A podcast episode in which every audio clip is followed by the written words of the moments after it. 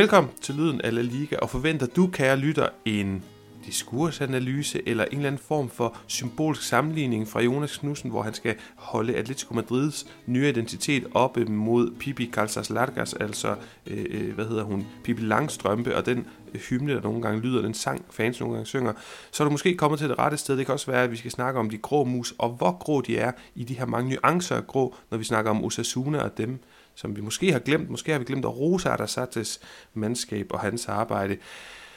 Der kan være mange grunde til, at du tuner ind på kanalen. Vi er i hvert fald rigtig glade for det, og når jeg siger vi, så mener jeg Jonas Knudsen og undertegnet Paolo Augusto Tichon, og vi beklager naturligvis en enkelt dag serie det Tadasso forsinkelse, men det handler om, at vi havde på fornemmelsen, det var mest Jonas, for at være helt ærlig, jeg, jeg ved ikke, hvad jeg skulle sige, men Jonas han sagde, lad os lige vente med at optage til, at vi har Atletic Klub og Gironas kamp færdigspillet, fordi den er den tegner i hvert fald Jenny Pinta det selv interessante. Den tegnede til at blive interessant, og det blev den jo også, så tak for det Jonas. Men vi starter jo altid vores udsendelser, de her runde gennemgange, indledningsvis med lige at have en lille overflyvning over, vi kan jo kigge på, bare for sådan indikation, hvad den spanske presse brugt mest kræfter på at behandle i ugen, der er gået og de har jo både snakket. Der har været en, en vis Kylian Lotin Mbappé på deres forsider, og så, jeg tror ikke, han, er, han har brydet forsiderne, men Inigo Pettis, Rajos nye cheftræner, han har da også været der. Så har de selvfølgelig snakket om, at Real Sociedad har tabt 2-0 lidt ufortjent i Paris i Champions League. Real Madrid de vandt 1-0 i Tyskland i Leipzig, og Real Betis de tabte 1-0 hjemme til Dynamo, til Dynamo Zagreb i Conference League. Og det er sådan overskrifterne, så tænker jeg egentlig bare, at vi kan hoppe øh, videre til rundegennemgangen, medmindre du selvfølgelig måtte have et eller andet overraskende at sige. Værsgo. Ja, men øh, jeg, jeg tænker godt, jeg kunne få lidt mere, øh, vride lidt mere spændende ud af de overskrifter, og øh, hvis vi skulle tage den sådan efter, hvad der kan sende største ringe igennem øh, fremtiden i spansk fodbold, så er det jo Kylian Mbappé, og øh, jeg lovede jo nogle Real Madrid-fans i en øh, anden podcast, hvor jeg, jeg gæstede, øh, gæstede sidste, sidste sommer i en, en Real Madrid-podcast, at øh, Real Madrid-fansene ville få ham sidste sommer. Nu ser det så ud til, at jeg kan, kan holde mit løfte, og det kommer til at det kommer ikke til at ændre ved, hvem der står stærkest i, øh, i Spanien, for det gør Real Madrid allerede, men det kommer til at gøre, at de står stærkest på en øh, monumental måde. En måde, der minder om den måde, de, man troede, de stod på øh, med, med Galacticos i, øh, i starten af nullerne, men hvor det dengang viste sig, at, øh, at harmonien var vægtet for lavt i den fodboldtrup. Øh, det ved vi, den ikke er nu. Vi ved, de har sikret øh, Ancelotti, øh, Ancelottis øh, fortsatte virke. Øh, andet vil i hvert fald overraske mig. Og med ham til at styre Mbappé ind på det her Real Madrid-hold, som i forvejen bare øh, imponerer øh, uge ind, uge ud. Ikke lige den forgangne uge, men alligevel øh, konstant imponerer med den måde, de, øh, de griber øh, fodbolden an, og, og så dygtige spillere, de har i forvejen. Det, det er godt nok skræmmende. Ja, men det er jo netop det er sjovt, at vi to, men vi er jo også fra den generation, hvor vi har, på spansk siger man mamado, hvad hedder, vi har ammet nærmest, øh, vi har fået det ind med modermælken, den der periode, der var så vild med Galacticos, og så lige pludselig, ud af ingenting, så begår, det er i hvert fald en udlægning, at så, så begår Laporta en genialitet, mens samtidig med Florentino Pérez begår en stupidez, en, en dumhed, ved at sige, jamen han er ikke særlig marketable, Ronaldinho med sine store fortænder og sit lange hår, øh, Beckham er meget mere sexet fodboldspiller. Ham skal vi have. Han sælger i Asien. Og Laporta, han kører den gode, eller den bedste af de to fodboldspillere. Og med et snuptag, jeg ved godt, det er lidt for simpelt analyse, men stadigvæk, så, så, så tipper den her magtbalance. Så jeg er nemlig fuldstændig enig med dig i, at, at når jeg ser Barcelonas fans, der skriver og spørger, jamen er det ikke nærmest fuldstændig håbløst, den fremtid, vi går ind i? Jamen jeg siger da ikke, den ser lyserød ud. Jeg siger bare, at tingene kan altså ændre sig hurtigere, man lige regner med. Det har vi to set før. Ja, og vi har også før set, at øh, et hold køber en spiller, man tænker, nu er det slut for alle andre. Og så når sæsonen går i gang, så er Mbappé, øh, han erstatter jo også en spiller i Real Madrids startopstilling, og lige nu gør alle spillerne i Real Madrids startopstilling det er jo rigtig godt. Så, så det er jo ikke sådan, at de bare får øh, 45 nye mål, eller øh, altså, det, han erstatter jo også noget, når han går ind på holdet. Øh, det er stadigvæk 11 mand, øh, Carlo Ancelotti stiller med. Øh, så selvfølgelig er det, ikke, øh, er det ikke sådan, at bare fordi Mbappé kommer, så er, det spanske mesterskab givet, mesterskabskamp givet på forhånd, øh, at Real Madrid bare kommer til at stikke af.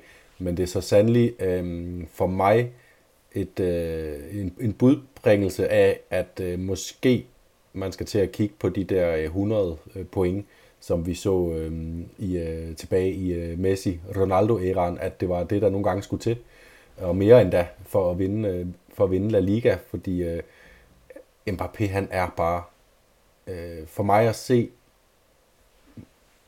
den spiller i verden, der står ud øh, i forhold til at, at være verdens bedste og kunne afgøre øh, kampe fuldstændig på, på egen hånd, sætte tonen for kampe på samme måde som, som netop øh, Ronaldo og Messi har gjort det. Det er der også, altså de Braun kan jo sætte tonen til en kamp om nogen, men han kan ikke afgøre det på samme måde øh, som Mbappé fuldstændig øh, enhændigt. Så øh, det, det kommer til det kommer til at ændre La Liga fra næste sæson, at Mbappé kommer. Man skal stræbe højere for at være, øh, være med i det fine selskab, og vi kommer ikke til at se vi kommer ikke til at se hverken Real Sociedad eller nogen andre sådan lige overraske sig ind i topstriden øh, Girona for den sags skyld, fordi der skal flere point til næste sæson.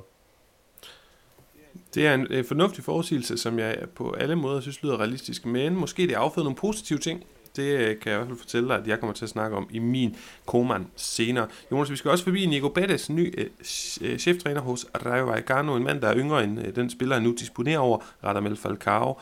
Han var jo tidligere assistenttræner for, ja, for forhåndværende i de sidste par sæsoner, succestræner Andoni Iraola. Så, så er det sådan, at øh, da Iraola blev fristet af Premier League og skulle til Bournemouth, jamen så som en del af det trænerteam, man tog med, der skulle Inigo Bettes have været med. Han fik så ikke arbejdstilladelse i sommer og kunne ikke få lov at arbejde i Premier League, og det er bare lige sådan, jeg, jeg ved ikke, om nogen kunne finde på at bekymre sig over det. Er han underlig? Er der et eller andet?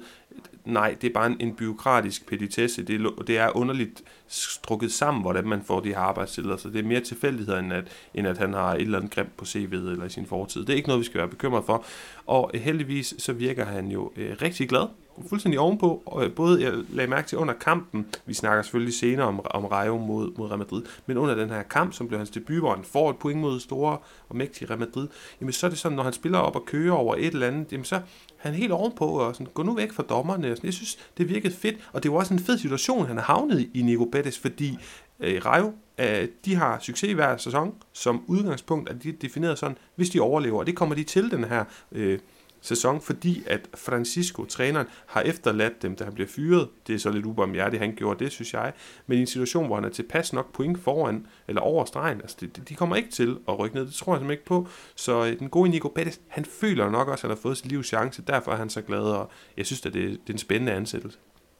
Helt vildt, og man skal tænke på, at det er kun, det er kun to år siden, øh, under to år siden, han i virkeligheden stoppede sin, øh, sin karriere, dengang som spiller i, i Osasuna jeg vil sige, marginalspiller de seneste år af, af karrieren, men, øh, men alligevel, øh, og jo også en spiller, der kommer fra, eller øh, som spiller kommer han også fra Bilbao, ligesom Andoni Iraola, øh, og, øh, og derfor er der nok også et eller andet forventning om, at han kan, at han kan komme tilbage med noget af det, som Iraola gav det her øh, Rayo Vallecano-hold, fordi det hører med, at Francisco, jeg synes også, det, han har ikke været nogen katastrofe som Rayo-træner, men hans øh, første kampe var bedre end hans øh, sidste kampe, og øh, det tillægger jeg måske lidt, at øh, holdet ligesom bare fortsatte. Det var nok også et ønske fra, fra Francisco at fortsætte i Raolas spor, men så er det sådan stille og roligt øh, fået mindre af den her øh, energi øh, i, øh, i presspillet og i måden at angribe på, hvor, hvor både Isi Palazon og Alvaro Garcia, som kendetegnede i øh, angrebsspil, i for øvrigt også bakkerne, hvor man så også må sige, Espino ikke har haft samme kvalitet som Frank Garcia på den her venstre bak. Det har betydet meget for, for Rayos spil. Øhm, men øh, Francisco har ikke formået at holde fast i det her. Og øh, det her med at bringe Inigo Pérez ind, det tror jeg er et klart ønske fra Rayo om, at øh, det var en, de følte, det var en rigtig sti, de var på vej nedad med Iraolas måde at spille på. Og, øh, og nu vil de prøve at se, om ham her kan, kan fortsætte efter hans, øh, hans få år i lære. Og, og, og det er vist også noget med, at grunden til, at han ikke kunne få den der work permit, det var, at han ikke har en helt høj nok træneruddannelse. Jeg er ikke lige så godt inde i sådan træneruddannelsessystemet, men, øh, men, men det der med, at det ikke var den på den allerøverste hylde, som man åbenbart nok skal have for at få work permit i, øh, i England, men, men åbenbart kan han godt træne i La, La Liga. Det er også en lidt, uh, lidt sjovt, men man må formode, at han også stadigvæk så er i gang med at tage et eller andet, der, der kvalificerer ham til det. I hvert fald, uh, eller at de kan få, få, um, få øh, dispensation til det. Det ved jeg i hvert fald, vi har set herhjemme i, i Superligaen før, når træner ligesom er på vej frem. Øh, jeg synes, det er spændende, og øh, det, er jo, det er jo en mand, vi ikke kender, så, så vi kan jo ikke sidde her og love, at, er jo lige pludselig spiller, ligesom, ligesom i sidste sæson, men, øh, men, men det er altid fedt, når der kommer en uh, ung ny træner ind, og det ikke bare er Kukusik andre, der får endnu en turnus i en, en, en spansk Han er jo lige blevet fyret, jeg, i en, øh, en sekunderklub. Jeg har lige glemt præcis hvilken. Ja, Nå, jeg er meget enig i Jonas, så lad os afslutte øh, den her indledning, inden det bliver øh, ja, til en mindre, ja, egentlig bare en roman. De spanske hold i Europa i midtugen, hvis du skulle komme med sådan et adjektiv, der, der beskriver deres præstationer, det alle taber, men hederlig præstation. Real Madrid vinder med en dårlig præstation, og Real Betis taber hjemme mod Dinamo Ja, det Zagreb. første du siger, det er jo meget symptomatisk for, for de to hold i virkeligheden. Øh, ja, Real Sociedad mødte jo bare det, som, som PSG er, et hold, der har ekstremt høj individuel øh, klasse, og så var det bare lige øh, fire dage for sent, at Real øh, Sociedad fik øh, hul på den der målbyld, fordi det betød så meget for dem, at de ikke havde den, den selvtillid, der skulle til. De troede ikke på, de troede simpelthen ikke på, at de kunne score. Det var det. Øh, det, var, det var sådan, det så ud udefra. Og øh, det er så en kæmpe fordel for dem, at de har fået hul på bylden, fordi så kan de måske gå ind til, til returen med tro på det. Men 0-2 nede, det er, det er svært i mig væk. Real Madrid, altså det er jo ikke så meget at sige til det. Det er fuldstændig som forventet. En lidt flad kamp af dem i Tyskland, men de henter det, der skal til, for at man kan føle sig øh, ganske overbevist om, at de nok skal komme videre til kvartfinalen. Real Betis, det er bare endnu en gang skuffende.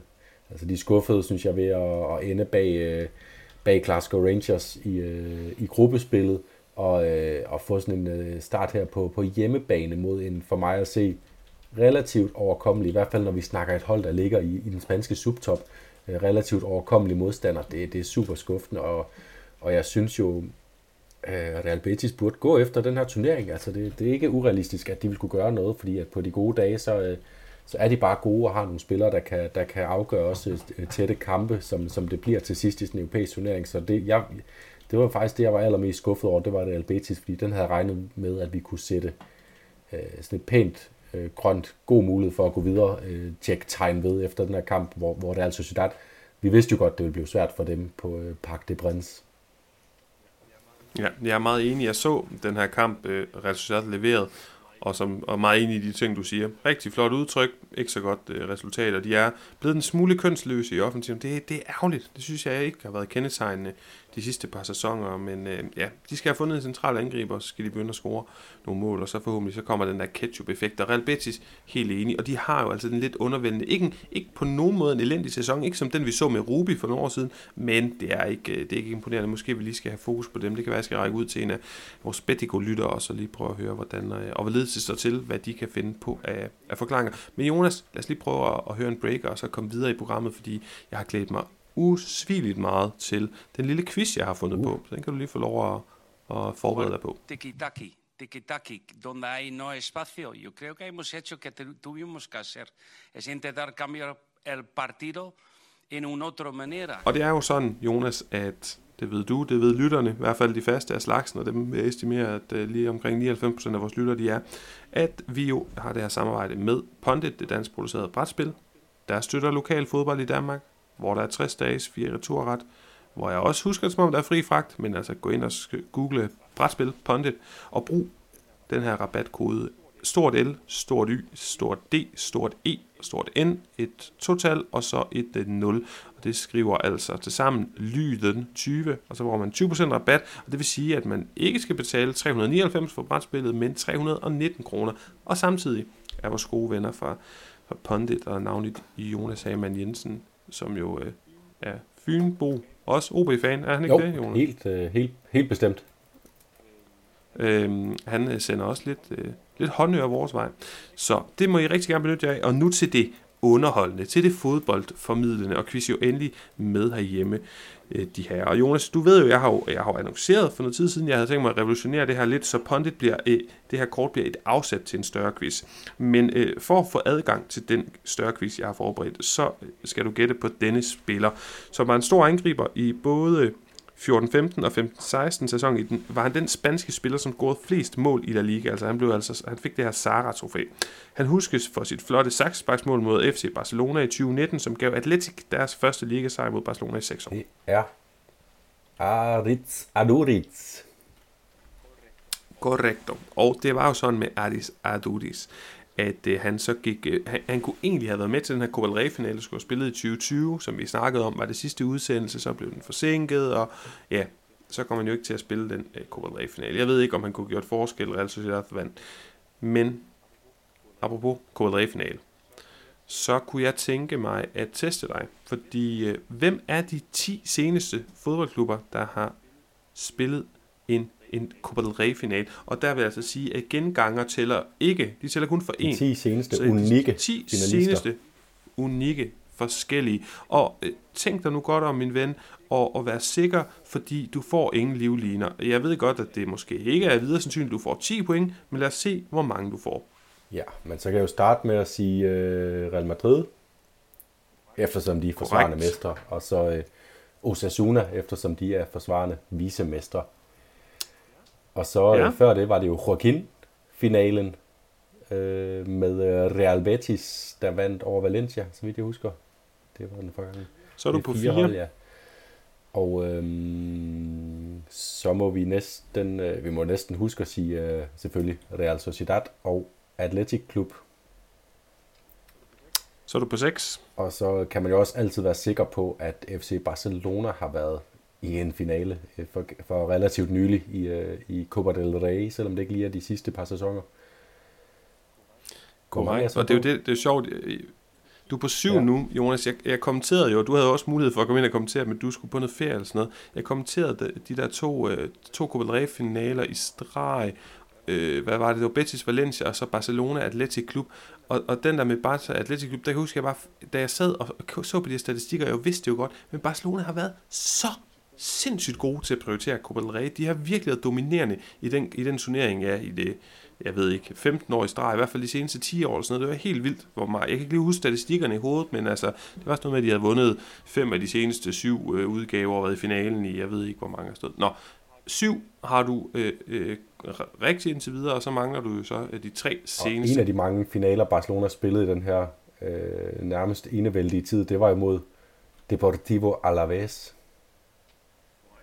Korrekt. Så mangler ja, du to. og så må vi være tilbage til noget Atletico Madrid. Du er dygtig, men øh, der, der, der ligger en imellem. Jeg kan sige, at rækkefølgen okay, hedder Real Madrid, Osasuna, Betis, Valencia, Barcelona, Athletic Club, Real Sociedad. Beep, der mangler du et hold, og så Alaves og Atletico Madrid. Ja, okay, så jeg havde faktisk haft rækkefølgen rigtig lige frem indtil nu. Nej, det, nej, det er nemlig det, at øh, før at øh, du nævner Alaves, okay. der mangler en, og så kommer Alaves, og så Atletic Klub som det sidste hold. Øh, så okay, så, så skal jeg lige... Det må være en, øh, endnu en lille overraskelse, der har nået frem til finalen, eller har jeg glemt en af de store... Ej, ej der var selvfølgelig... Øh, men de gjorde heller ikke nogen god figur i den finale. De blev fuldstændig ud, udklasseret uden, øh, uden kamp, så vidt jeg husker. Sevilla, da de øh, også mødte Barcelonas Copa del Rey maskineri. Så det er dit bud? Det er mit bud. Ah, eh, muy impressionante, Jonas. Yes, det er yes. 10 ud af 10, det er meget, meget flot. Det var jeg glad for at næle. Jeg elsker Copa del Rey, så jeg, jeg føler også, at jeg har, har styr på den. Ja, men det er fornemt. Øh, imponerende, godt arbejde, og øh, i den grad en savret i dit øh, favør og over hos dig for resten af udsendelsen i dag. Men lad mig dog lige øh, tillade mig at, at gennemgå runde 25 og de resultater, vi fik i den her runde. Fredag aften, vi er Real Getafe 1-1. Et uafgjort og sådan en lidt kedelig kamp, og det blev desværre lidt temaet. Lad os se, om ikke vi kan finde noget at snakke om alligevel i den her runde. Atletico Madrid, de ændrer sig lidt på det lørdag, da de øh, stod tidligt op, og så smadrede Las Palmas 5-0. Bum. Altså, de er voldsomt gode hjemme på Civitas Metropolitano. Øh, Osasuna Cadiz 2-0 til Osasuna, to sejre i streg til det her Arrasate hold. Lad os lige prøve at snakke lidt om dem lidt senere. Øh, på det andet hold, modsatte hold, Cardis, Pellegrinos pil, der peger er der nedad i Cardis, efter jeg måske troede, at han, han kunne forvente et eller andet.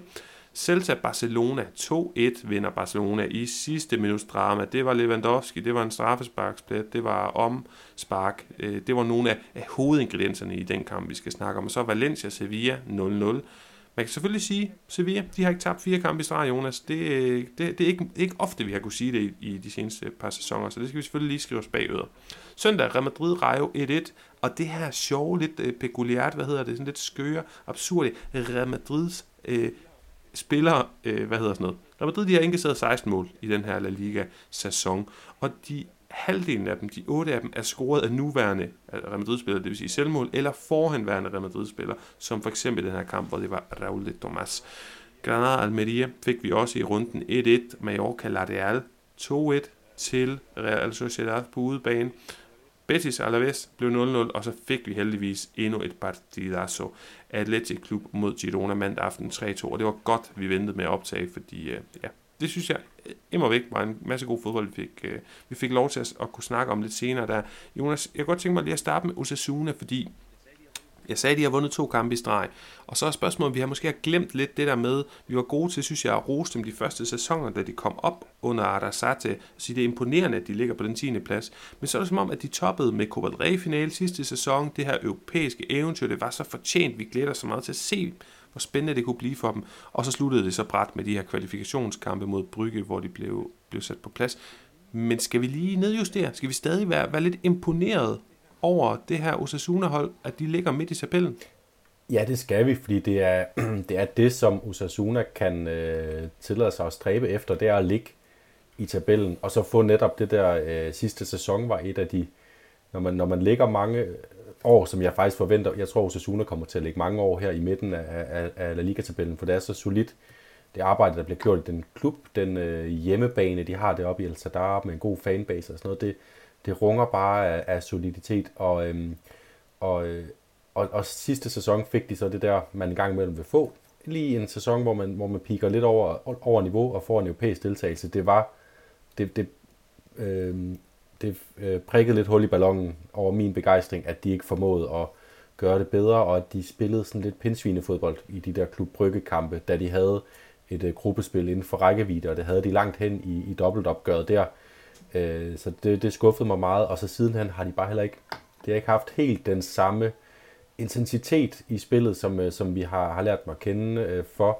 Moy Gomes, øh, som så spillede en god kamp øh, her mod Cardis, har heller ikke sådan, øh, Øh, haft den samme indflydelse, og det synes jeg var essentielt for, at de var så gode sidste sæson, at han lige havde det der ekstra tekniske niveau, hvor, hvor flere af deres andre spillere, øh, Toro, Moncayola, øh, David Garcia, de er mere kendt for, for deres øh, robrødsmaskineri, end for der, og Budimir for den sags skyld, end deres flotte teknik, men alligevel har de formået at, at spille noget god fodbold. Det, det er bare ikke, det, det er stadig imponerende, det de laver, men jeg har, jeg har kedet mig noget mere med at se deres kampe den her sæson, derfor er jeg heller ikke haft lige så travlt med at, at tænde for dem. Øh, så, så det er bare sådan den toppen, der er taget begejstring. Det tager intet fra, at det stadigvæk bare er bundsolidt og misundelsesværdigt for rigtig mange spanske klubber, øh, den stil, de har lagt i øh, Pamplona. Ja, jeg har faktisk øh, noteret her, om du lige kunne nævne et, øh, et, et par Osasuna-spillere, så vi kunne blive sådan øh, minde lytterne om dem. Det gjorde du så fint der. Jeg kan kun supplere, at vi jo har, vi har snakket Osasuna igennem årene i den her podcast. Vi snakkede om det flotte arbejde, er der sat det det her med. Vi skal huske, han var jo træner for Real Sociedad for det må være snart 10 år siden, sidst de var i Champions League, altså så også en træner, som har en fin baggrund, og som kan nogle ting, det er ikke en Mr. Nobody, han leverer et rigtig fornuftigt stykke øh, trænerarbejde. Vi snakkede om Braulio, tror jeg han hedder, øh, sportsdirektøren. Vi snakkede om det her fantastiske stadion, som sådan lidt grotesk blev øh, kåret til verdens bedste stadion i en, i en ikke så frygtelig anerkendt meningsmåling, tror jeg. men, men ikke desto mindre kan du huske, hvor mange gange vi har siddet i den her podcast og, og, og ikke været chokeret over, at et storhold er kommet og fået, fået ørerne i maskinen på El Sadar, fordi at der, det bare har, altså, og de har spillet sådan overfaldsfodbold. Det har virkelig bare, det der som man også ser lidt op i Baskerlandet, nu generaliserer lidt, men, men på San Mames og på Anoeta, det her med, ja, undskyld, at jeg har lært af men det her med, at, at, at den energi, der er så voldsom fra tilskuerne og opbakning, den smitter ned på spillerne, og de kan nærmest ikke, øh, om de så ønskede at løbe mindre hurtigt, eller gå mindre hurtigt i nærkampene, så kan de simpelthen ikke, fordi det smitter så meget. Den synes jeg også, vi havde på Sadar for et par sæsoner siden, men jeg er nok også enig med dig i, at du siger, ah, så meget, så meget har vi ikke øh, været. Det, det har ikke været så smittende, det vi har set Ej, den her sæson. er de så også stille og roligt ved at inkorporere nogle, øh, nogle lidt yngre spillere, øh, ham her Erando nede i, i midterforsvaret, som stille og roligt kommer ind og får noget tid måske, at, at, at de bruger tiden klogt også den her sæson, og det kan, kan give noget gavn på sigt. Øh, fordi det er jo ikke et hold, vi forventer kommer til at, for eksempel når David Garcia bliver solgt til sommer, øh, forventer jeg, så, øh, så kommer de ikke til at gå ud og splash the cash på at hente en, øh, en top øh, forstærkning. Og der er de måske allerede i gang med at i tale sætte noget der. Ravi Munoz inden på midten, som også begynder at få noget spilletid. Øh, ham her Pablo Ibanez, øh, Jesus Arezo, som er kommet tilbage på lån fra Morabieta, De har sådan hele tiden øh, i gang i forhold til at, at supplere op på deres øh, La Liga-hold, så, så de holder, holder niveauet, i hvert fald sådan øh, bundniveauet, øh, og så lige, hvis jeg lige skal nævne en spiller mere, så er det selvfølgelig Aymar Oroz, den her øh, kreative midtbanespiller. Øh, også øh, egen avl fra, fra Usasuna, som også var god sidste sæson, men, men som kun har fået en vigtigere rolle øh, i indeværende. Mangler lige sådan at, at blive lidt mere afgørende øh, stadigvæk for, for Usasuna, men, men en spiller, der er værd at holde øje med hver gang, fordi han, øh, han har noget lækkert øh, flow, sådan lidt en mini-version af Orion Sunset måske. Ja, jamen det synes jeg er fremragende. Vi har givet lidt videre til lytterne, de kan sidde at, øh, at holde øje med. Jeg kunne godt tænke mig at hoppe videre i programmet og videre til Atletico Madrid og Civitas Metropolitano, og dem, der bare gav ja, una manita en losing til Las Palmas og Garcia Pimienta efter kampen, der sagde, ja, øh, en gang imellem, en kamp i sæson, så bliver man bare smadret, og det gjorde vi her. Jeg kunne godt, jeg, jeg, jeg, jeg har faktisk i en stykke tid haft sådan, øh, hvad hedder det, una cosa pendiente, en, en lille, en ting, jeg gerne vil have afklaret eller løst, og det er, øh, jeg vil simpelthen gerne finde en, en sjov og god oversættelse til Garcia Pimienta, og jeg, altså sådan, er det, kan vi sige, pevrede Geo, eller peber Geo, eller peo Gustav, eller hvad, har, har du et godt bud? Øh, pimienta. Det er vel bare peber, pebersvend. ja, men det er mere det der ja. Garcia, om man skulle gøre det til noget Gustav, eller Geo, eller Garcia, Gunnar. Det er, vel, det er jo det, egentlig, det er jo et mellemnavn, efternavn. Øh, ja, Ej, den er svær. Men i hvert fald Pebersvend kunne man godt bare øh, kalde ham. Pebersvend, Garcia Pebersvend. Pebersvend fra Kanarieøerne. Vi har i hvert fald vi har rost ham meget. Meget ros kan han ikke få for den her kamp. Det kan Diego Simeone, og det her, det her, som er så meget hans fortjeneste med Marco Llorente. Hvad, hvad skal vi kalde ham i den her kamp? Øh, altså polyvalent, altid ja. øh, angriber. Hvad, hvad, hvad, ja, hvad kalder polyvalent kan man jo egentlig kalde ham, uanset hvor han spiller. Men han spiller på angriberpladsen i princippet, som i den her kamp, så er man det jo ekstra, fordi man, man får mere bevægelsesfrihed, når man spiller angriber, end når man spiller højre wingback eller central midtbane. Øh, Øh, og øh, og, og det, det klæder ham umanerligt meget, uanset hvordan øh, det holdet så ellers er sat op, og få lov til at, at bevæge sig frit, ligesom, øh, lidt ligesom Fede Valverde i virkeligheden, der også er bedst, når han øh, får lov til at dække store områder, fordi de har så meget energi, de bare gerne vil, vil have ud af kroppen, og det er så irriterende for modspillerne, når en, øh, når en dygtig spiller hele tiden bevæger sig nye steder hen og overfalder en. Og øh, det, det kan Marcos Llorente. Øh, Øh, han har ikke haft sin bedste sæson indtil nu, men øh, det her kan måske være startskud til, at han øh, løfter en større opgave nu også, når, når, når Atletico får de her svære kampe mod øh, Inter og skal prøve at se, om de kan lukke lidt af hullet op til, til, til Real Madrid, selvom det er svært at, at tro på efterhånden. Så i hvert fald sikre sig en Champions League-plads.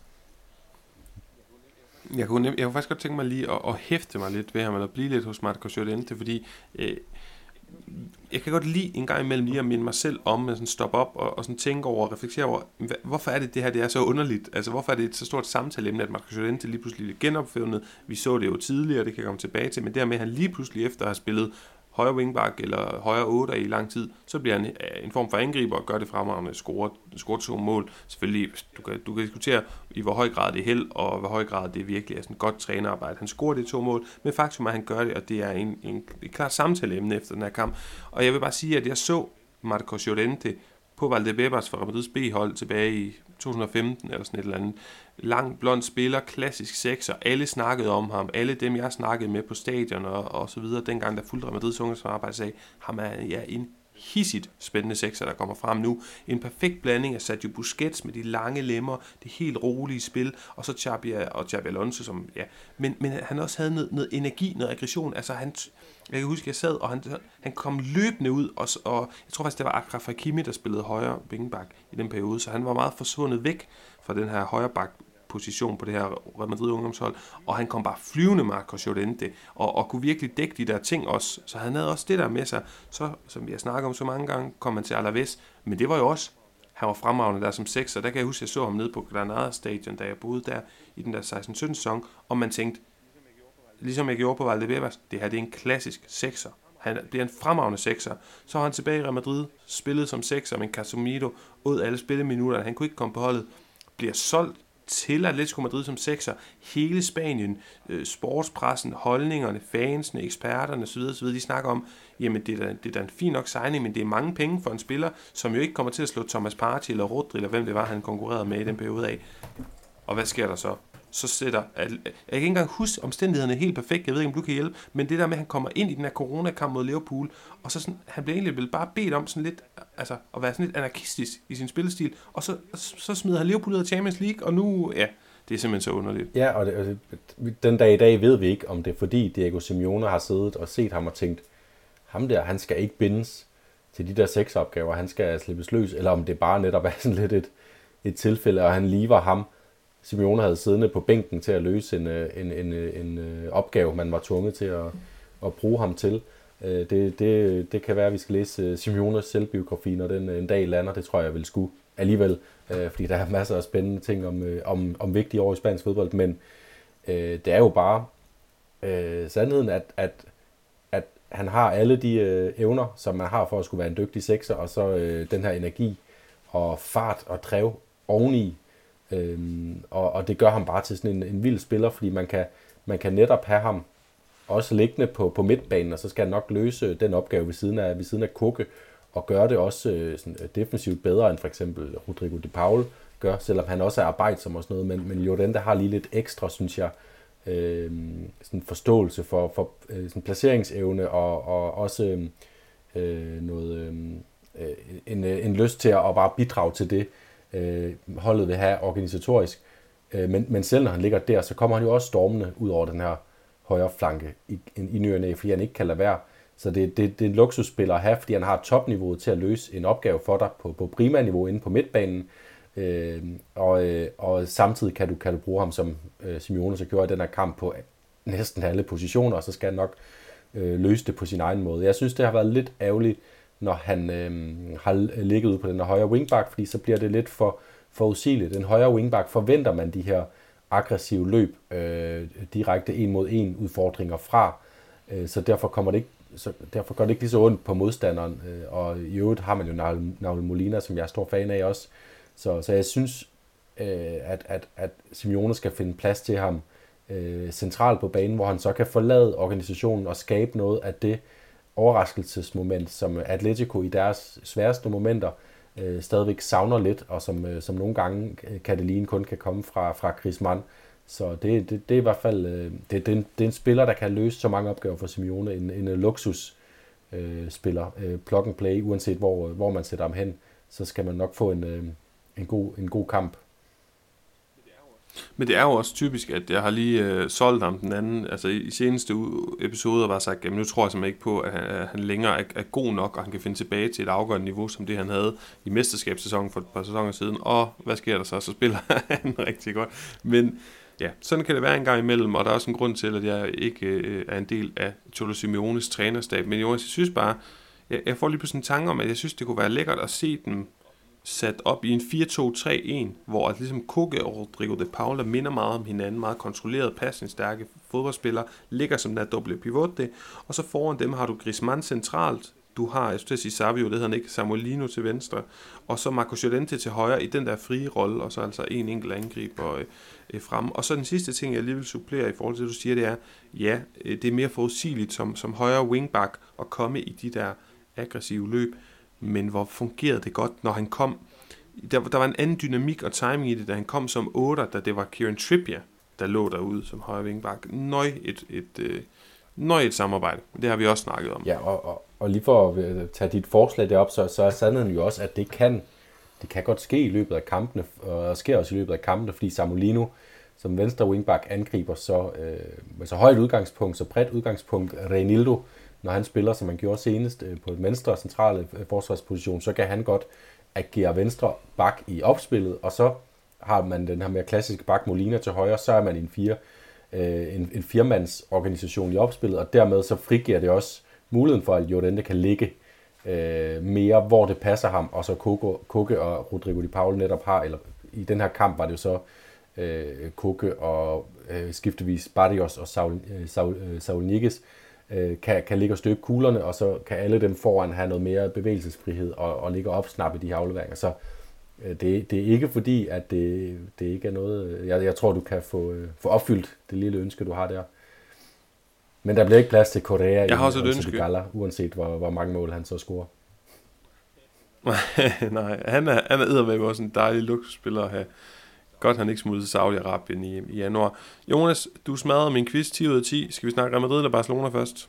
Jeg starter med Barcelona. Ja, jamen kan du så ikke fortælle mig, hvad du så i den her fodboldkamp? Der var ikke nok mål til, at jeg fik min forudsigelse jeg fik ret i den og scorede et point der. Men en kamp, som bliver for spændende. Barcelona er ikke frygtelig gode, men spørger man Xavi, så er de rigtig gode, og spørger man spillerne, så er de ikke særlig gode, og det kan vi snakke ja. lidt mere om. Men vi kan jo starte med at høre fra dig. Nej, jeg var de så gode? netop ikke noget nyt fra nogen af holdene. Altså, øh, Celta virkede øh, sådan i endnu en kamp øh, ret klar i det, de laver. Altså godt organiseret. Øh, klar idé om, hvordan de skal forsvare. Lidt, mind, lidt flere problemer med at finde ud af, hvordan de skal, skal angribe. Også selvom de fik Jaco Aspas ind, hvilket altid løfter øh, Celta-holdet. Øh, altså han skal, han skal spille, indtil han ikke kan gå mere. Fordi han, øh, han gør altid Celta bedre. Øhm, og så et Barcelona-hold, hvor, øh, hvor forskellen på, at de lykkes, det er, at øh, Lewandowski ser ud til at have rystet den værste målrust af sig, fordi det mål, han scorer til, øh, til 1-0, det er, det er absolut topklasse Lewandowski. Øh, vi ser det, og den berøring og øh, den, det hurtige aftræk, perfekt afslutning, øh, umuligt at, at, reagere på for, for Vicente Guaita. Så, øh, ja, men jeg så ikke noget overraskende, fordi Barcelona stadigvæk var så øh, overordnet set idéforladte. Ja, der kommer stadig noget fra Lamine Yamal en gang imellem, men, øh, men, men, men der, der sker rigtig mange energiforladte ting. Vitor Roque fungerede ikke rigtigt på den der venstre kant, og der er mange øh, afleveringer, der, der, der fremstår idéløse, og også nogle af dem, der bare ender ud over sidelinjen i sådan håbløs øh, øh, øh udtryk for, for en afmagt i, at, at vi ved ikke, vi, vi bare ikke vi er ikke helt på toppen. Vi står ikke på den måde, vi gerne vil. Altså, de lykkes ikke med at skabe de her mange spilmuligheder, som er, som er så påkrævet for, at Barcelona kan praktisere den fodbold, de gerne vil. Og det skyldes, om det skyldes, at de ikke ved, hvordan de skal, eller om de er idéforladte, uinspireret. Det, det bliver sværere og sværere at, at svare på, men, men i hvert fald, så, så er det åbenlyst, at det ikke er en spillertrup, der, der sprudler. Det gjorde de heller ikke i den her kamp, men de vandt, øh, og det gjorde de på, en håbløs fasong jo. Altså det, for det første den måde at begå et straffespark på, håbløst, og så at, øh, at man lige som målmand træder 10 cm frem. Altså han kunne godt have reddet den der bold, uden at stå de der 10 cm frem. Det er jeg ganske overbevist om, så det, det er godt nok bittert, men jo selvfølgelig helt korrekt, at der bliver omspark. Og i øvrigt sjovt, at Lewandowski bruger den der metode, Jorginho-metoden, hvor man gerne skulle kunne nå at se, hvor målmanden går hen, men alligevel to gange i træk sparker han i samme side som målmand, så, så måske mere skulle fokusere på at, at placere bolden bedre, end at, at prøve det der. Ja, og det, nu, det kan godt være lidt old man yelling at cloud, men er han ikke også for gammel til det? Jo. Skal hellere se Vinicius eller, eller Lamine Yamal ja, eller sådan dem, der, altså, jeg, han, han er ja, den gamle skole. respekt for at finde på en ny måde at sparke straffe på. Det er virkelig ikke, det er ikke noget, man regner med kan ske, og fra nu af regner jeg heller ikke med, at der er nogen, der finder på nye måder at sparke straffe på, fordi det er så fastlåst en disciplin, men øh, behøver ikke at se gamle polakker, som man bare ved, han, vi ved bare, at hans, hans støvler er skruet sådan på, at han bare kan placere bolden øh, på en måde, så det, den kun bliver taget øh, 9, øh, øh, en ud af 100 gange, øh, så gør det. Ja, præcis.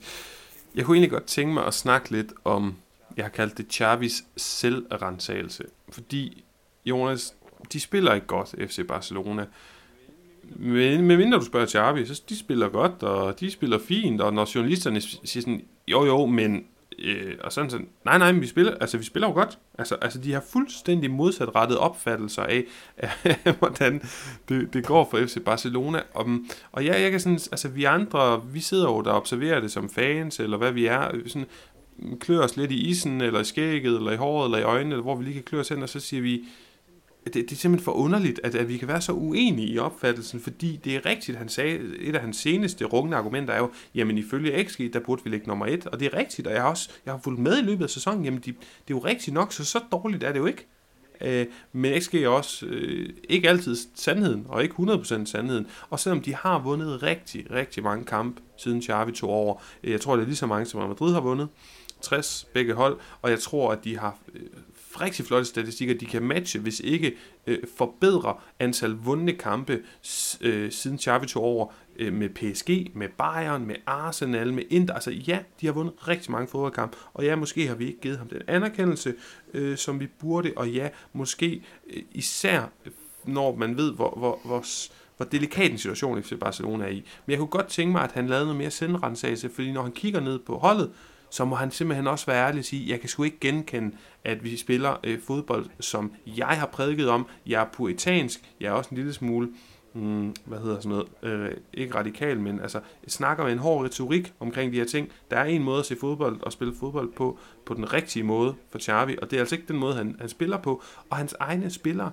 synes jeg bare siger ham imod. Altså senest er det Petri, der efter kamp siger, at vi spiller ikke godt. Jamen, hvorfor er det så, at din træner siger, at I spiller godt? Altså, de er fuldstændig uenige, når de går ud efter kampen, og, og du kan se det på Gündogan, der har lavet centralsagelse i løbet af sæsonen, famøst efter El Clasico. Frenkie de Jong synes jeg også er god, ærlig til at gå ud og tage, tage, tage ansvar og sige, at vi spiller ikke godt. Jeg kan også huske, at Lewandowski har gjort det.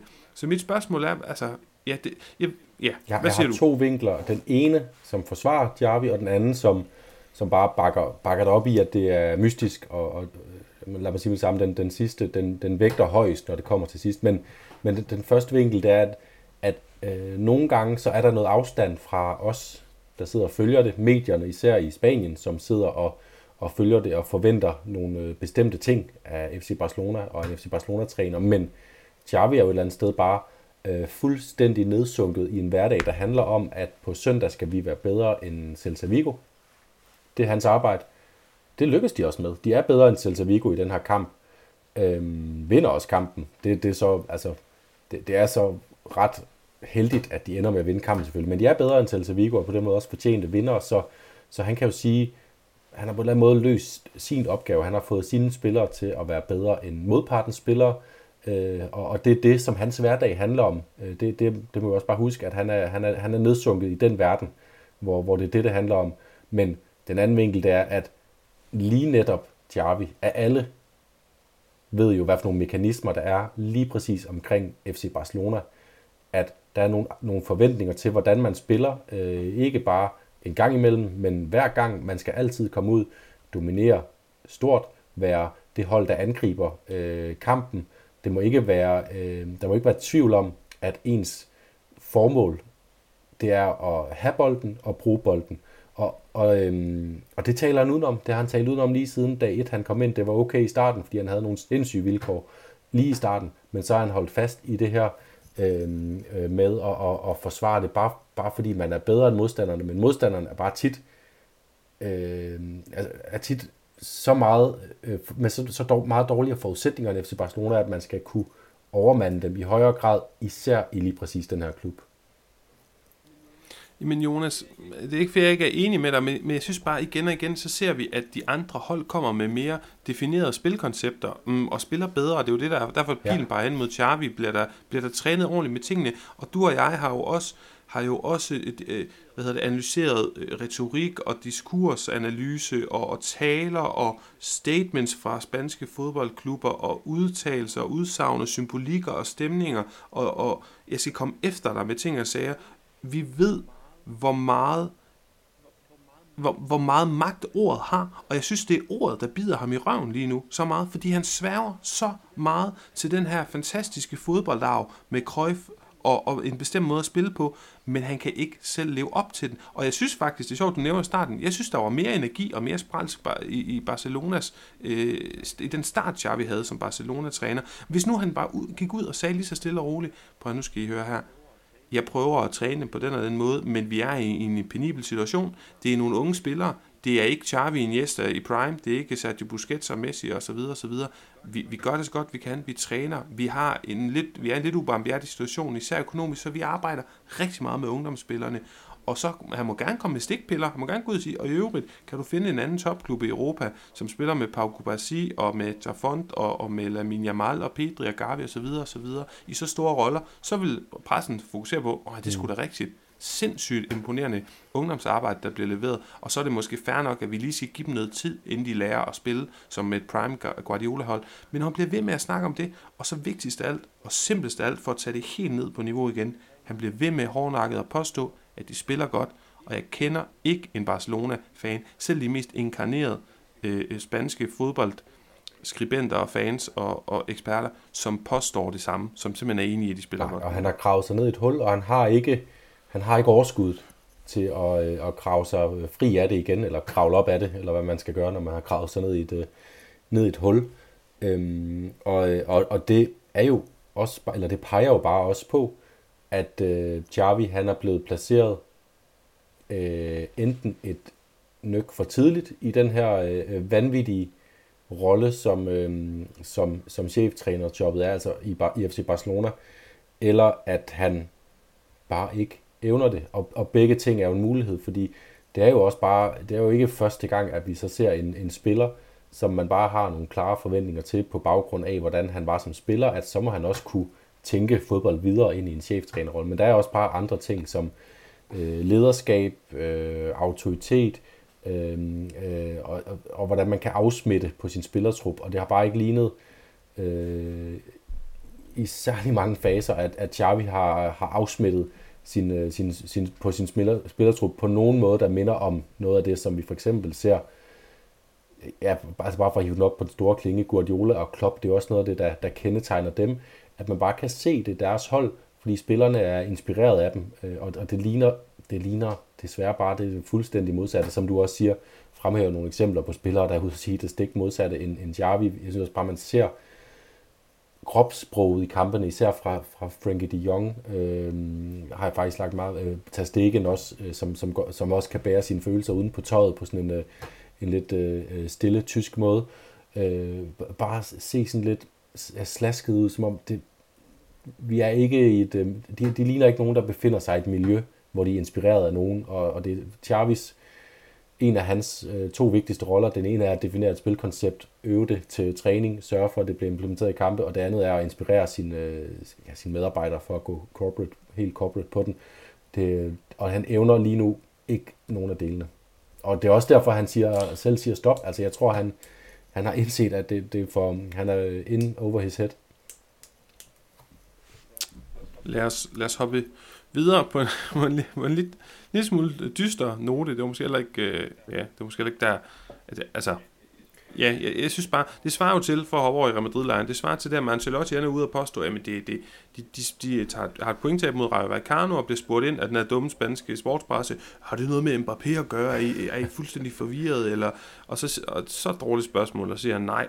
Men det svarer jo til, at så går Real Madrid-spillere ud alle sammen og siger, jamen for at være helt ærlig, vi er en lille smule forvirret over det her med Mbappé, fordi vi ved jo, at han kommer, og vi ringede til ham, og den anden dag sad jeg i et privatfly med ham, og, øh, og vi snakkede om næste sæson, men altså, de, de er fuldstændig divergerende i deres, øh, og, og det er, det, det er altså minimum en lille bitte smule suspekt. Nå, nu er vi i Real Madrid-lejren, Jonas. De spillede mod Rayo Vallecano. Den øh, kamp blev 1-1. Hvorfor gjorde den det?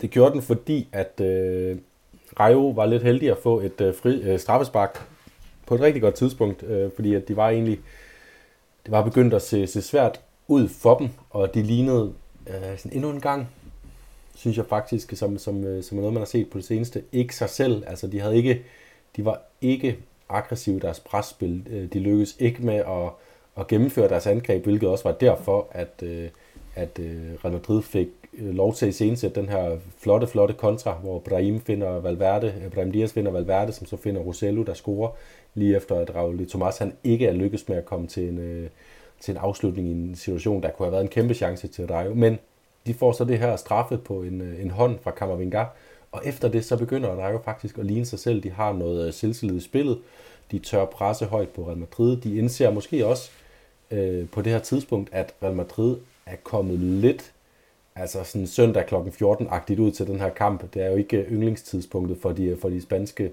hverken hold eller, eller tilskuer det her siesta-tidspunkt. Det var et Real Madrid-hold, der kom lidt med siesta, og det så, det så Rayo lige pludselig. Og så begyndte de faktisk at, um, at ligne sig selv, øh, og så, så blev det den kamp, begge hold kunne have vundet øh, hen ad vejen, men hvor 1-1 var fuldstændig oplagt resultat, øh, som følge af det, man så, øh, så nede på banen. Ja, jeg synes, det er nogle gode forklaringer. Jeg synes også, at jeg sagde lige til dig, lige inden vi begyndte at øh, optage dagens podcast, at det øjeblik, Jonas, jeg ikke lige lige have skrevet et navn ned. Og øh, kan du huske, hvad navnet var, og kan du gætte, hvorfor jeg skulle notere mig? Det var mig? Jude Bellingham, og jeg gætter på det, fordi at han var savnet Det var, det var egentlig ikke, jeg har skrevet. Real Madrid savnede noget. Punktum, punktum. Det var Bellingham. og det, det, det, er, det er de store analyser, I kommer for, kære lytter. Nej, men det, det handler sådan, simpelthen om, at jeg sad og kiggede på det udtryk. Jeg synes, øh, ja, Real Madrid var meget uinspirerende. Apropos, uh, Real Madrid, uh, apropos Barcelona, kommer der en stor distance, og Mbappé er så rolig nu. Villa er det heller ikke. Altså, hallo, Villa er det altså heller ikke. Uh, de var meget uinspirerede, som du siger, det lugter Madrid og en, en, en, en El Partido de la Siesta, den, den kamp, der blev spillet der, hvor man burde sove en siesta, efter en Champions League-kamp, og øh, øh, man har et komfortabelt forspring i La Liga, så man, det er heller ikke sådan, man går ud med El Coutinho entre øh, los dientes, øh, hvad hedder det, med blod på tanden. Men så kan man bare tænke på, hvad det er, jeg savner i det her udtryk. Og det er den der spiller, som er gået ret meget ned i sit målsnit, men som bare rent rundt og lavede nogle lækkerier, og lige var lidt øh, sur, lige markeret over for dommeren, eller en modspiller, eller lige opildnet publikum, eller sine medspillere, eller træneren, en lille gestus hist eller her, en hård takling, et hårdt øh, skulderskub, vinde en duel, vær glad for det, øh, en lille hæleaflevering, der satte øh, spillet i gang, det er, det er Jude Bellingham. Ja, altså, nøj, hvor har han været god. Jeg synes også, vi har rost ham på det, på det seneste. Nu ved jeg godt, at han er skadet, men de seneste par måneder, hvor han er dykket lidt i, i målsnit. Men han er bare blevet, synes jeg, en endnu vildere spiller. Han fylder meget hans betydning.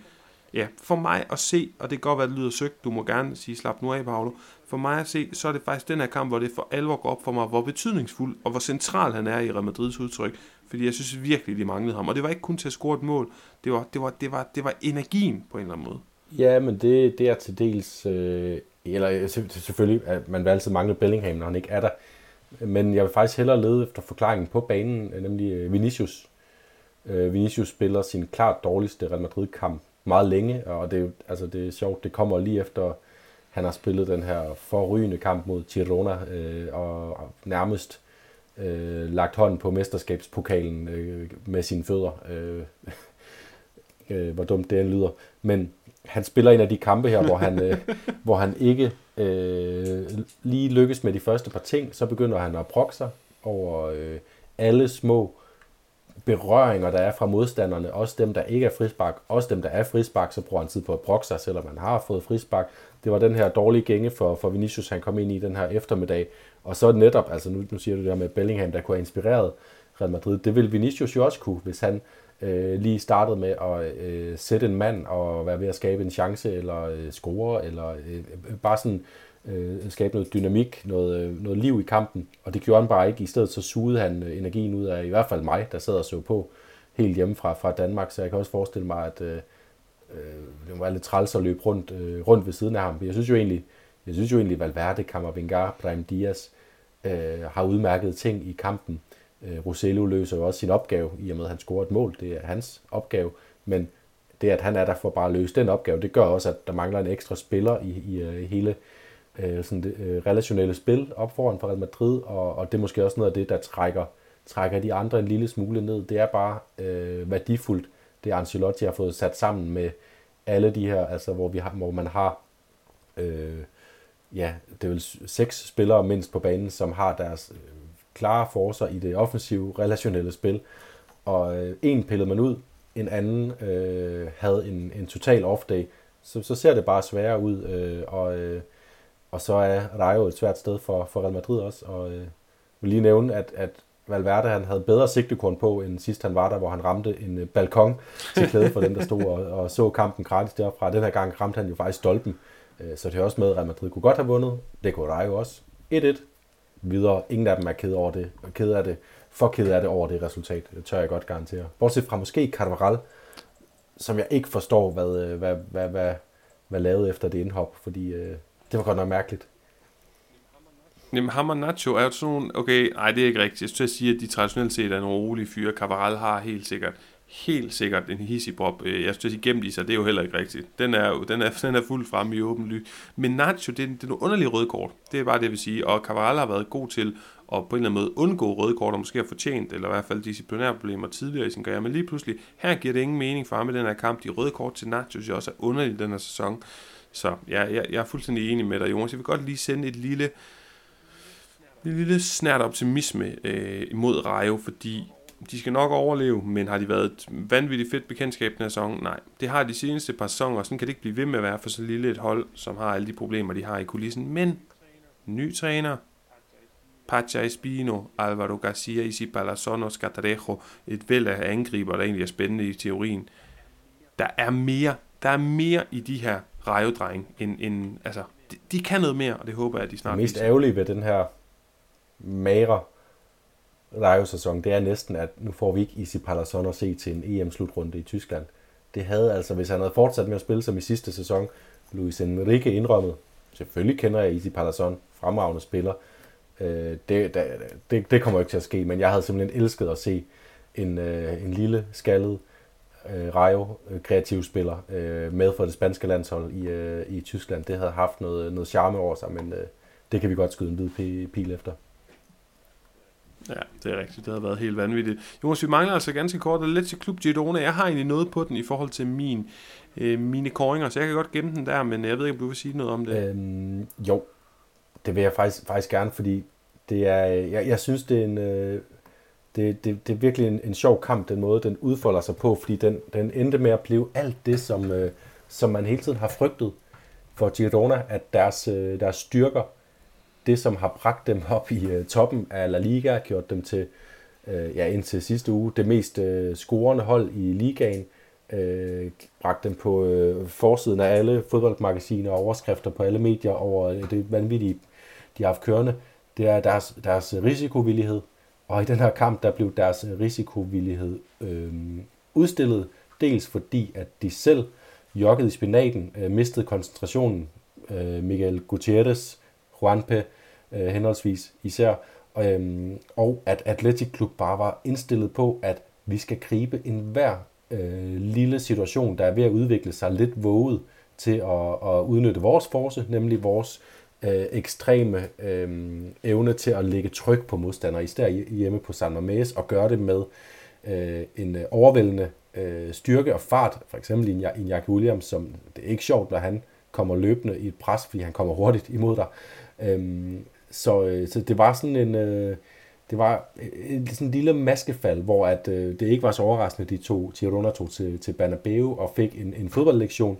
Så var det her mere sådan en regulær fodboldstrategisk maskefald, hvor at et hold lykkedes med at komplet stikke Girona, gør der, vende, deres, øh, vende deres styrker imod dem selv, øh, og det er, det synes jeg var det fascinerende ved den her kamp, udover selvfølgelig, at det er endnu en, en topkamp i La Liga, hvor Girona bare leverer underholdende fodboldkampe. Også det selvom, at den her gang var det ikke deres egen kvalitet, der gjorde den underholdende, fordi desværre var det også en kamp, hvor vi igen så for eksempel Savio være en, en, en skygge af sig selv, og ikke rigtig ture udfordre. Han lavede tidlige indlæg, spillede den tilbage, når han fik den, og sådan, der var, der var nogle af de samme ting fra Banabeo, men med ekstra kraft faktisk på en eller anden måde, fordi det var ikke bare kvaliteten, den individuelle kvalitet hos modstanderen, som det var på Banabeo, det var øh, Valverde også, der øh, udmanøvrerede øh, Mitchell, den ellers måske mest øh, interessante fodboldhjerne i La Liga den her sæson.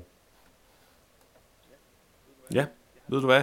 Jeg har lært, at, eller jeg har hørt, at det er så godt med taknemmelighed. Så jeg vil slutte af, inden vi tager en øh, sidste breaker for i dag med at sige tak til Atletic Klub og Girona for på sådan en mandag i februar at give os en kamp mellem to så charmerende bekendtskaber i den her sæson to overraskelser i forhold til at spille så flot offensiv fodbold, score så mange mål, fordi at de her to hold, de altså kæmper med de tre store om at fravriste en af dem en Champions League plads, og så fordi de bare spiller offensiv, kompromilløs fodbold.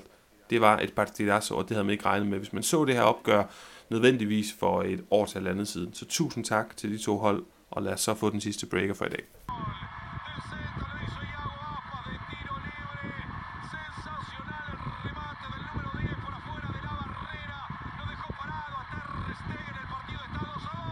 Jonas Mank, det der er så på programmet. Du har helt sikkert haft kig på andre også, men øh, Lewandowskis mål, der var et eller andet i det.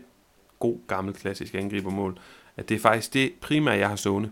Ja, det var det også indtil en af de aller sidste aktioner faktisk i runden, øh, nemlig øh, Dani Vivian, øh, fra forsvarsspilleren fra, øh, fra Athletic Club, som øh, at det hører faktisk med, at, at Girona de får i den kamp, vi lige har snakket om, to rigtig pæne tilbud i overtiden af kampen. I jo 9 minutters overtid, på grund af, at der var en, øh, en pause med en, en øh, tilskuer, der var faldt om, og man lavede øh, redning. Det lykkedes. Man klappede og kom videre. Øh, men øh, både, øh, der fik øh, øh Girona to gode chancer i overtiden, og den ene den tilfaldt øh, Rafa Solis, den her kolumbianske midtbane-talent, som bliver bedre og bedre i øvrigt, synes jeg. Øhm, men simpelthen øh, Unai Simon er væk fra målet, og så står øh, Dani Vivian derinde og redder den øh, med hovedet. Øh, og virkelig sådan en flot øh, målmandsspil af en forsvarsspiller, så den, den kunne jeg godt have som nomineret, men det som der, øh, Robert Lewandowski han lavede, det var fodboldekvilibrisme, det var øh, angriberspil af allerhøjeste klasse, det, det bliver ikke bedre øh, nærmest øh, første berøring og hurtig øh, eksekvering på afslutning, øh, så øh, det, det var det var et Lewandowski øjeblik, og det skal, det skal hyldes, fordi så er vi oppe på den høje navle. Det lyder fornemt. Hvad med, øh, hvad med El Hugon? Hvem har, hvem har taget den største overskrift for dig? Er det Marco Llorente? Jeg faktisk, jeg havde faktisk mere Angel Correa, øh, men også fordi jeg, jeg, jeg, jeg, jeg bliver bare ved med at elske ham, selvom det er vidt lige meget, han har puttet ind med den her sæson. Men når han dukker op, så synes jeg altid, den, den, han har en vidunderlig måde at score på. Hans, øh, hans sparketeknik er sådan øh, meget særegen, øh, så, så det, det, det, ser, det ser altid Angel Correa ud, uanset øh, hvad for nogle mål han scorer. Og så min anden kandidat, det er faktisk øh, Berenguer, Alex Berenguer fra, fra Athletic Klub, fordi det kan godt være, at det ikke er fordi, han, han brillerer fuldstændig i, øh, i sådan udfordringsspillet. Der savnede man jo stadigvæk Nico Williams, indtil han kom ind øh, på Athletic Klub-holdet.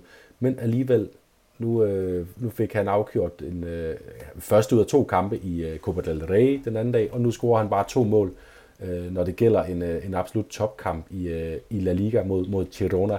Den ene på en foræring, men, men begge, begge mål øh, fint sat ind. Den ene med hans øh, svage højre fod endda. Øh, det synes jeg bare tjener ham til ære, fordi ham havde jeg faktisk lidt afskrevet. Jeg synes, han var faldet ned i et hul i starten af sæsonen. Han var jo også langt øh, væk fra spilletid, fordi Nico Williams og Jack Williams sad så tungt på det hele.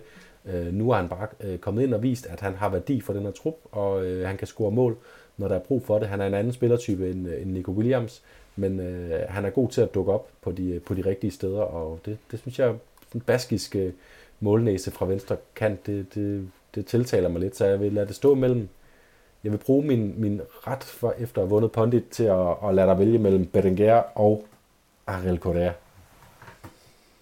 Mm, jeg kan godt lide Angel Correa. Du har helt klart hjulpet mig med at få øjnene op for ham, men jeg synes stadigvæk, at Alex Bettinger, jeg synes også, der er et eller andet i det der med at være kommet hjem fra Torino i den der, øh, i den der coronaperiode for 10 millioner euro, være, altså et, et stort apuesta, hvad hedder, stort sats fra klubbens side, få scoret en masse mål i sin første sæson, så ikke korrekt kunne blive ved med at, at, at køre på samme omdrejninger og samme høje niveau, blive slået totalt af af Williams-brødrene, fordi, altså det siger brødrene, fordi Nico kommer frem, og fordi en jakke kommer ned på den anden kant, så der er ikke rigtig plads til ham.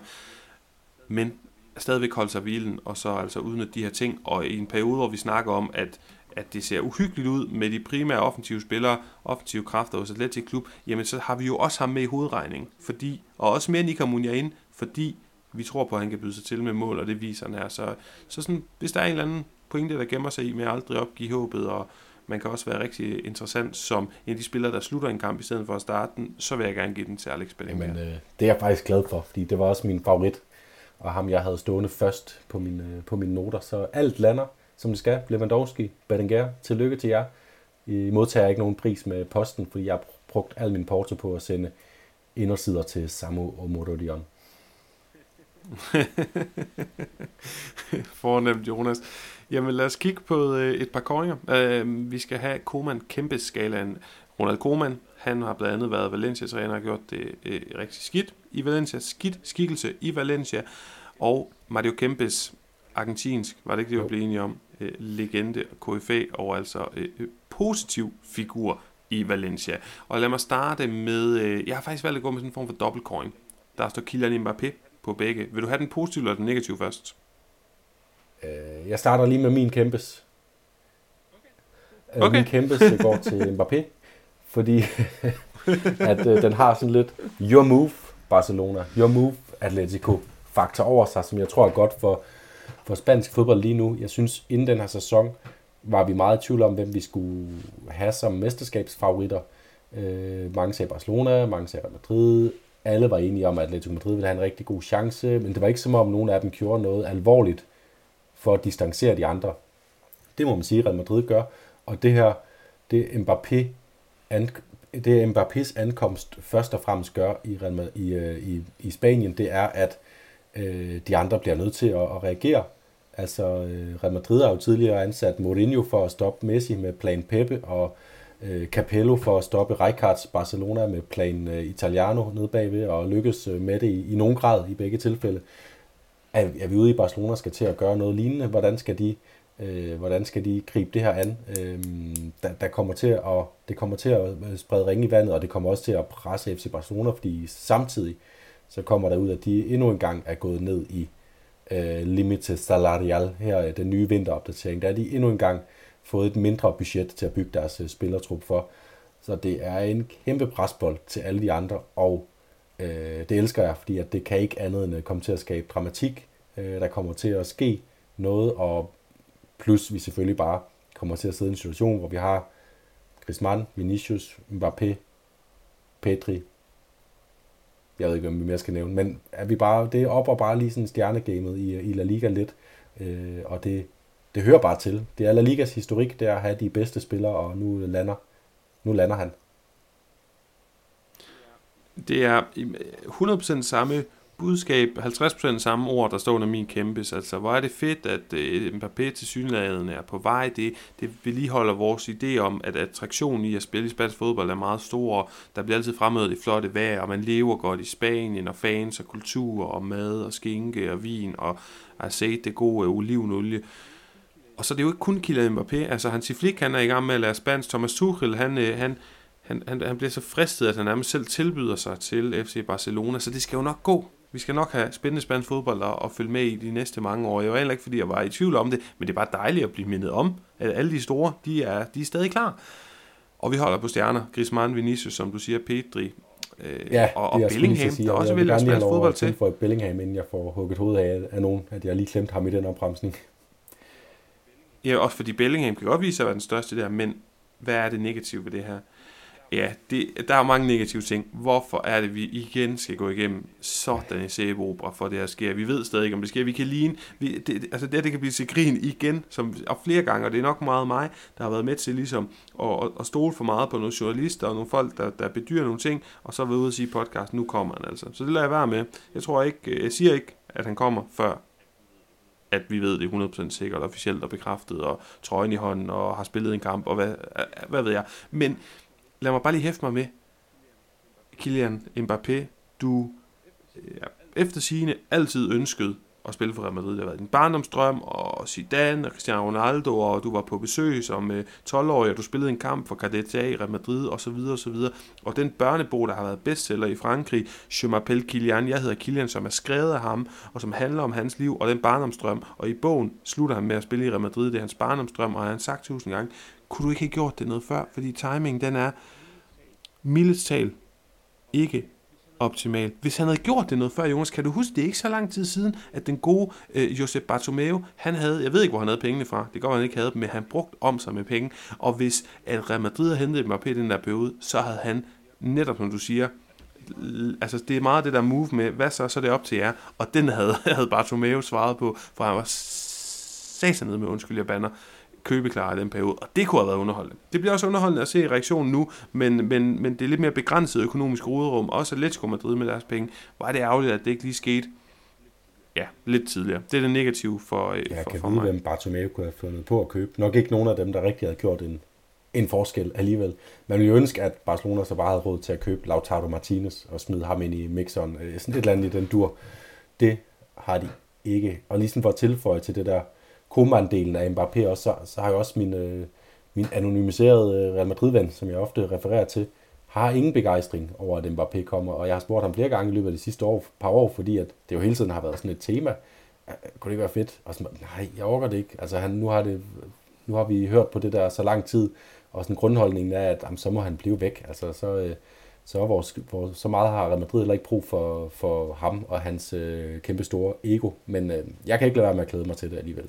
Så derfor går min... Øh, ja. Og det er også, Jonas, jeg bliver, jeg bliver nødt til lige at, at supplere, det vil jeg nemlig også have nævnt, så det er en klog Real Madrid-ven, øh, du har der, fordi det er nemlig også en vigtig ting, at sidste sommer, der var det som om bader flød over. Ej, nu, nu, er det, nu er det for længe, at den har kørt den her, og du har brugt os, øh, Mbappé har brugt Real Madrid til ligesom hvad hedder sådan noget, og, og, og, og kunne, øh, hvad hedder sådan noget, få mere juice, ja. få mere saft, og simpelthen presse citronen, og få øh, flere penge i sin kontraktforlængelser, samtidig med, at han har lært sig selv spansk, og samtidig med, at han har gjort ret mange ting rent symbolisk, for virkelig at passe som fod i hose i Real Madrid.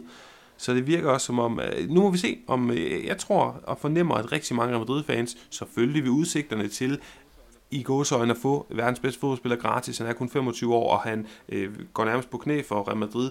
Det kan stadigvæk rigtig, rigtig mange ting. Det må vi slet ikke øh, under, undervurdere. Men samtidig, så tror jeg måske også, det er en par gang for sent. Altså, jeg tror, at de spanske fans kan godt kan godt, det kan godt ende med at blive et problem.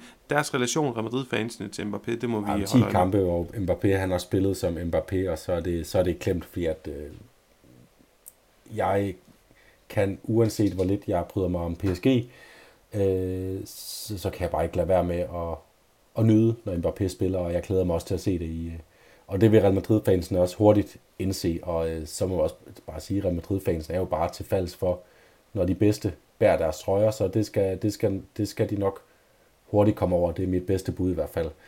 Øhm, min kummeren, den går til, at øh, ganske kort, fordi vi har været rundt om det, men at Gironas lys, det nu gik ud og det gjorde det med Mitchell siden oppe i skyboxene, både på Bernabeu og siden på San Mamés, to af de største scener i spansk fodbold. Og det er der, at deres øh, drøm om blev slukket, deres øh, smukke, smukke korthus, det væltede ned over det pænt øh, fremsatte skrivebord. Øhm, og så er det sådan, ja, de kan jo de kan stadig komme med i Champions League. Det vil da være forrygende historie, men det er bare, når vi nu lige har, har fået lov at drømme sammen med dem, så, er det bare ikke den, så har det bare ikke den samme sexiness at kvalificere sig til en turnering, som det har at, at spille med til sidste spilledag i et mesterskab. Det er jo ikke fordi, de, de har jo stadigvæk ikke langt op til Real Madrid, men det er svært at se, at de hiver sig op igen nu. Altså, det, det er også derfor, jeg lidt med håb i maven gættede på, at de skulle vinde på San Mamés, fordi det kunne, det kunne have smidt dem tilbage, især når Real Madrid så øh, smed point i, øh, i Vallecas. Men øh, det her, det slog dem krok i, også fordi det blev netop, som jeg sagde, slået med deres, øh, altså deres, deres egne våben blev vendt imod dem selv. Og, det, øh, og jeg synes, det er især super ærgerligt, at det sker med Mitchell øh, oppe i skyboxene, som en øh, kaptajn, der er blevet tvunget væk fra, fra broen, mens øh, skibet det stille og roligt begynder at, at synke. Det synes jeg var lidt, lidt ærgerligt for hele den her øh, Girona-fortælling, at han så ikke fik lov at stå med sit, øh, med sit hold dernede på, på sidelinjen. Og, øh, ja, lad os se, måske jeg kan genfinde begejstringen og glæde mig over, at hvor vildt, altså fordi hvis de var kommet bagfra og havde taget Champions League-pladsen til sidst, efter en fed sæson, så ville det være det største mirakel nogensinde, men, men nu føles det bare lidt flat, at det er det, vi skal sidde og håbe for dem, at de kan holde Atletic Klub stangen, hvilket ikke er sikkert, de kan. Jeg er helt enig. Eller næststørste mirakel efter dengang, at Diego Martinez han tog Granada langt ud i Europa. Men det du tilgivet, Jonas. Vi skal, øh, vi skal, vi skal lige vi skal lige have genfundet øh, vores tabel og øh, lavet en opgørelse over forudsigelser som sidste punkt yes. på programmet i dag. Der står 18-13 til dig, det gjorde der før. Vi lavede vores øh, gæt om øh, den runde, vi lige har snakket om. Det gør der også efter, fordi at, øh, du havde gættet på, at Mallorca skulle vinde over Real Sociedad. Det gjorde du ikke. Celta Barcelona, der skulle komme minimum fire mål, og Barcelona skulle vinde. Det var kun 50% korrekt, så 0 point. Jeg havde gættet på, at Mallorca skulle vinde over Real Sociedad, med mindre Real Sociedad vandt kampen i Paris, så ville Real Sociedad vinde, eller få kørt på Mallorca, men det gjorde de ikke, så øh, der var heller ingen gevinst der, og så havde jeg selvfølgelig, at Girona skulle vinde over Atletic på San Mamés, det gjorde de heller ikke. Så stadig 18-13 overbevisende føring til, til dig, Paolo. Så hvad er din guldkorn denne gang? Jamen skal vi tage en hver? Jeg er helt sikker på, at Real Madrid de vinder på Santi Pizjuan. Nu har de en uge til at uh, sunde sig over chokket på Vallecas. Ej, det er også overdrevet. De har god tid, de har spillet mange kampe, og uh, de lader batterierne op, og så smadrer de uh, Sevilla. Men, eller, det, det er off, off the record. Jeg tror bare, de vinder, fordi jeg gider ikke, at de så vinder spinkel, og så giver de mig ikke penge. Jeg tror, de vinder, og det er måske ikke nok, så jeg tror også, at Sergio Ramos får guld mod sin gamle klub. Det er sådan det første, jeg vil spille på med. Bernabeu. Madrid vinder på Sanchez. Ah, korrekt. Jamen det gør det øh, på alle måder mere plausibelt, det jeg siger. Ramos han får gul kort, og okay. vinder ja. på Bernabeu. Det er, øh, det, det er den første af mine, og så vil jeg godt høre dig med. Uh, yes, jeg siger, at Real Sociedad de vinder hjemme over Villarreal. Um, og kan man sige, at det, en, er det også en lidt nem påstand?